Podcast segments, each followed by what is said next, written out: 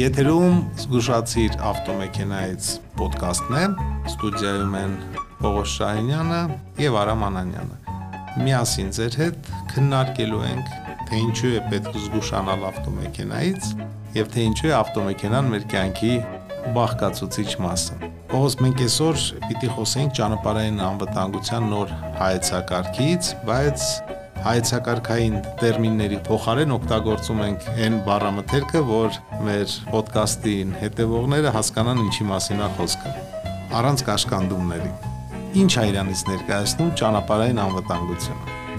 Արամ ջան, նախ ողջունենք մեր լսողներին։ Ասեմ, որ ռազմավարությունը շուտվանից էր սպասվում Մենք ունեինք առաջին Հայաստանում ընդունված ռազմավարության դեռ 2009 թվականին, որից հետո չէր փոփոխվել։ Այն որ ամրագոտիները, այն որ ամրագոտիները բոլորը կհիշեն, այո, որը իդեպ ասեմ, որ փրկեց ագին կյանքեր եւ անգամ առաջի տարվա ընթացքում եւ կիրառվեց առաջին անգամ ռազմավարություն 2009 թվականին 20% կյանքեր փրկվեցին։ Եթե չեմ սխալվում, պիտի 5 տարվա մեջ լիներ 10%, 5% անգամ պետք է լիներ 5% մահացության։ Արձանագրում ենք, որ ամրագոտու կիրառումը այդ պահին եղանակ փոխեց։ Միանշանակ եւ ոչ միայն իհարկե ամրագոտին, նաեւ այդ ընթացքում կիրառվեց պարտադիր ապահովագրությունը, տեսախցիկները, արագաչափերը եւ այլն։ Եվ շատ-շատ բարեփոխումներ տեղի ունեցան, որոնք ազդեցին նաեւ ընթացիկ կյանքերի փրկմանը։ Եվ պետք է նաեւ անկեղծենք մեզ հետ, երբ որ ռազմավարությունը ավարտվեց,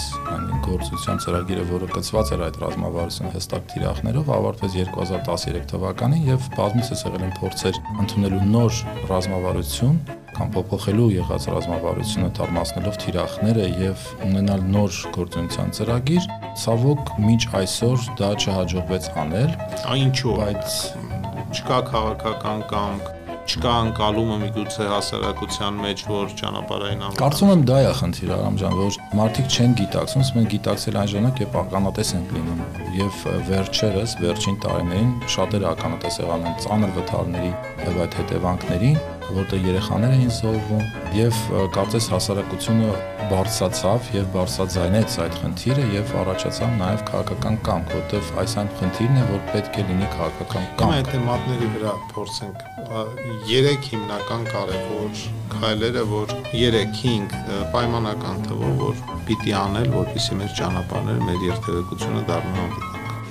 Շատ լավ հարցադրում տվեցիր, Արամ ջան դե դες չկա տենց պրիորիտետային որևէ քայլ, որ պետք է սա կանենք եւ մենք ունենանք անվտանգ ճանապարհ։ Մենք ուղղակի պետք է բոլորս գիտակցենք, որ մենք երթևեկության մասնակից ենք յուրաքանչյուրս։ Անկախ նրանից մենք վարում ենք մեքենա, մենք քայլում ենք փողոցով, թե ուղղակի ուղևոր ենք եւ յուրաքանչյուրս կրում ենք պատասխանատվություն։ Եթե մենք դա գիտակցենք, ապա ամեն ինչ կգնի իր տեղը։ Եվ ամենակարևորը ասեմ, որ իդեպ սա կարմիր գիծն է, հա, տան կամ անգլերեն ասած blueprint-ն է այս ռազմավարության, որ մարդը սխալական է եւ պետք է ենթակառուցվածքներ լինեն այնքան ճիշտ կառուցված եւ անվտանգ, որpիսի երբ մարդը սխալվի, ապա այդ վթարը, եթե տեղի ունեցավ, չանրադառնա մահով կամ ծանր վնասվածքով ու այստեղ յուրաքանչյուրս ունենք մեր լուման, այսինքն ճանապարհը պիտի լինի ներող, ճանապարհային ենթակառուցվածքը պիտի լինի այնպեսին, հա, ճիշտ հասկացա, որ անգամ մարդու գործոնը ողբերգական հետևանքների հնարավորինս քիչ հասցնել։ Միանշանակ։ Մի քանի օրինակի վրա է ուզում պատկերացնել, մեծ գովազդային ցուցանակները հաստ երկաթբետոնե հենակների վրա օրինակ, որը միանշանակ անթույլատրելի է եւ անգամ օրենքով էլ է անթույլատրելու, ուղղակի դրանք տեղադրված են եղել կամ ինչ որ X պայմանագիր, որից չեն կարող հրաժարվել իմացությամբ, բայց դա սխալնես է կամ ծառերը ճանապարհի եզրին, հա։ Դրանք այն կետերն են, որտեղ մեքենան արգելակման ժամանակ պետք է ինչ որ միտեղ կանգ առնի եւ այդ կանգը լինում է ցավոք այդ ծառին կամ այդ սյունին եւ մենք շատ ականատես ենք լինում այն ծաղկեպսակներին, որոնք դրված են այդ սյուների մոտ, դա նշանակում այն կետներ, որտեղ մարդը զոհվեց։ Սա ընդհանուր առմամբ Որպես օրինակ բերեմ, վերջերս եղավ ավտովթար, հա, կինո հայրենիքի։ Այո, երբ մոտ, այո, այո, մեքենան ուղակի սյանը բախվեց։ Սյանը բախվեց, բայց միշտ սյուն հասնելը, անցավ, հա, լիքը խոչընդոտներ։ Տեսեք, եթե լիներ անվտանգ համակարգ, ենթակառուցվածքը ճանապարհի, ապա ինչ էլ որ լիներ, նախ չէր կարող հասնել այդ սյանը եւ երկրորդը կարող էր նաեւ իր կյանքը փրկվեր։ Մենք պետք է գիտակցենք, որ մենք իշքան էլ չասենք, որ չի կարելի օգտագործել ոգելից նմիշտ վարելիից։ Կամ մարդ ուղակի կարող է հիվանդ լինել, վատանալ ղեկին։ Դա չպետք է անդրադառնա իր մահով կամ իր ուղևորի կամ հետիոտնի։ Իմանայք, բնական հարցը ցակելու Պողոս ջան, որտեվ միշտ այդ քննարկումը կա, միշտ հնչում է այն հարցի արժեք ասածը երբ որ կարծես ուզում են ինչ-որ խնդիր քնեցնեն, ասում են այդ ենթակառուցվածքի փոփոխությունը թանկ անստելու, իհարկե մարդու կյանքից թանկ ոչինչ չնա, օրինակ այդ փոփոխությունները եւ այդ պթարների թվի կրճատումը եւ այլն կարծում նույնպես հնայի վրա դրական ազդեցություն է թողնում միանշանակ, տեսեք, տարբեր հաշվարկներով, տարբեր միջազգային փորձագետների, նաև տեղական փորձագետների հաշվարկով եւ դա ընդունված տվյալ է, այսինքն պաշտոնական տվյալ է, որ ճանապարհատրանսպորտային պատահարների հետևանքը արտացոլվում է բյուջետի վրա հնայի տեսքով մոտ 5-ից 5.4% այսինքն այսինքն դա մոտավորապես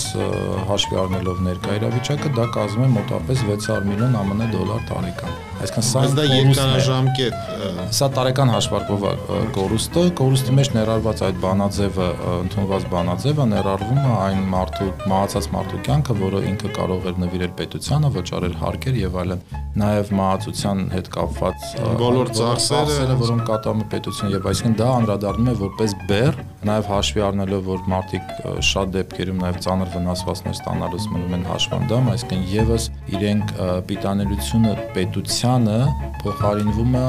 դառնալով պետության համար, ասենք Այսինքն մենք արձանագրում ենք, որ կարիք կա նոր ռազմավարության, ռազմավարության հստակեցման եւ նոր իրողությունները հաշվի առնել, որտեղ տեսեք 2009-13 թվականին մենք ճանապարհների անգամ են ամենապարզ զբաղվածության լծվածության առումով մի միջավայրում էինք ապրում, հիմա ապրում ենք մեկ այլ միջավայրում եւ այստեղ կարծում եմ, որ անհրաժեշտությունը կա լրջորեն անդրադարձ կատարել, ինչպեսի քաղաքում ենք, ինչպեսի երկրում ենք մենք ապրելու եւ այդ խնդիրներին ինչպես ենք անդրադառնալու, որովհետեւ այդ ինքնահոսին թողնելը ուղղակի խնդիրները բարդացնելու է Իհարկե, եւ մենք պետք է հաշվի առնենք եւ հաշվի առնված այս ներկա ռազմավարության մեջ, որ ներկայացվել է, ներկամս հաստատմանը կառավարությանը, հաշվենք արյան երանկյունին, որտեղ մենք որպես անկյունակար ենք տեսնում դա մեքենան է, այսինքն մեքենան պետք է լինի անվտանգ։ Մենք տեսնում ենք վարորդին կամ հետիոտնին եւ ճանապարհը։ Այսինքն այդ երեք կոմպոնենտից եթե մեկը թույլ է, վթարը տեղի կունենա իր ծանր հետևանքներով։ Մենք չենք կարող ունենալ լավ վարորդ, բայց վատ ճանապարհ։ Մենք չենք կարող ունենալ լավ ճանապարհ, բայց լավ վարորդ, բայց վատ հետիոտն։ Այսինքն յուրաքանչյուրը այստեղ դերակատարություն ունի, որից էլ բխում է ռազմավարության գործունեությունը, այսինքն կառուցված է ամեն ինչ այնպես, որ մենք ունենանք safe system approach, այսինքն անվտանգ համակարգային մոտեցում, որտեղ ճանապարհը կլինի ներող, որտեղ կլինի գիտակից, հետիոտակից եւ կրթված եւ հետիոտը կլինի զգուշ։ Այստեղ մի խնդիր կա, որ կուզենա երևի մեր հաջորդ էպիզոդում անդրադառնանք մեքենաները հենց որպես այդպեսին եւ առանձին առանձին երեք այդ էլեմենտները՝ վարորդ, հետիոտն, ճանապարհ եւ ենթակառուցվածքներ։ Շնորհակալություն առաջին էպիզոդի համար։ Ստուդիայում աշխատում էին ճանապարհային անվտանգության ազգային խորհուրդ հասարակական կազմակերպության նախագահ Պողոս Շահինյանը, Armenpress գործակալության տնօրեն Արամ Անանյանը եւ Տաթև Զաքարյանը, ով եթե չլինի, մեր ոդկասթը կհնչի շատ տխուր եւ անհրապույր։ Շնորհակալություն։ Շնորհակալություն։